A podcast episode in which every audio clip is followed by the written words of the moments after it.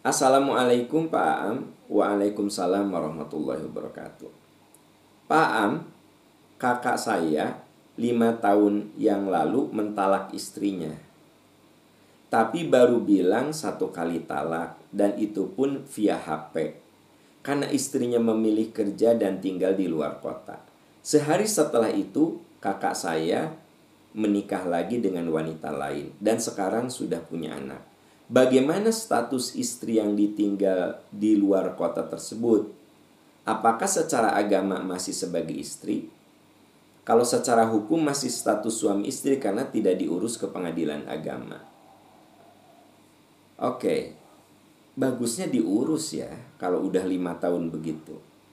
Jadi si suaminya itu sebenarnya tipe suami yang zolim.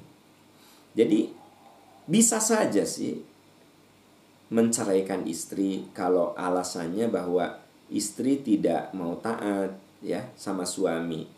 Lalu si istri mentalak eh, si suami mentalak istrinya. Tapi jangan seperti yang dilakukan oleh kakak Anda itu, suami kakak Anda itu. Udah aja dibiarkan begitu saja. Harusnya diurus karena coba Anda lihat dalam surat At-Talak, dalam surat An-Nisa, dalam surat Al-Baqarah kita ini tidak boleh menzolimi orang. Kan begini, kalau kita mentalak istri, tapi cuma lisan, lima tahun tidak pernah menafkahi. Nah si istri ini kan gak bisa nikah sama orang lain. Kenapa?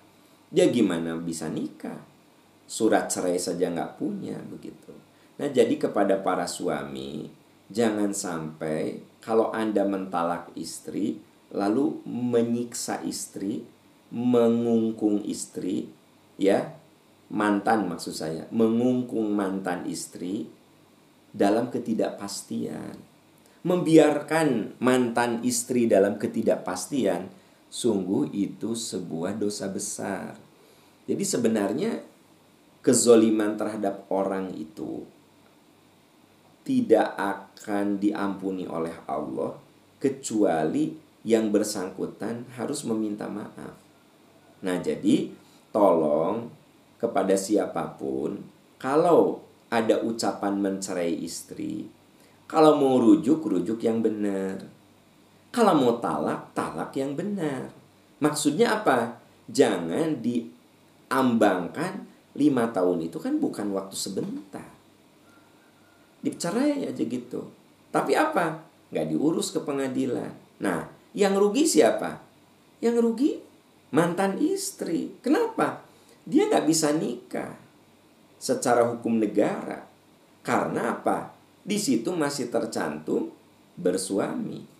Dan ketika si istri ini memaksa untuk menikah, nah itu kalau suaminya julid, suaminya dengki, itu bisa diusut dan secara hukum negara si perempuan ini salah.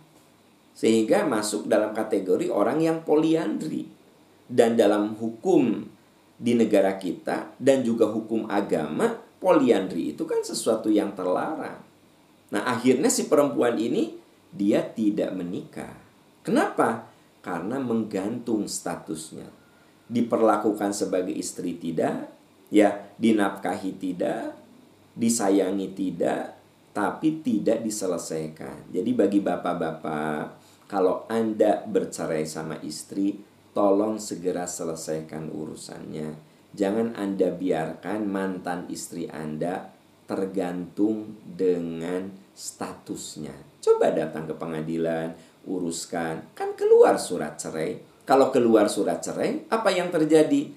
Enak si istri bisa uh, move on. Boleh jadi ada laki-laki yang lebih cocok bagi dia, akhirnya menikah. Nah itu.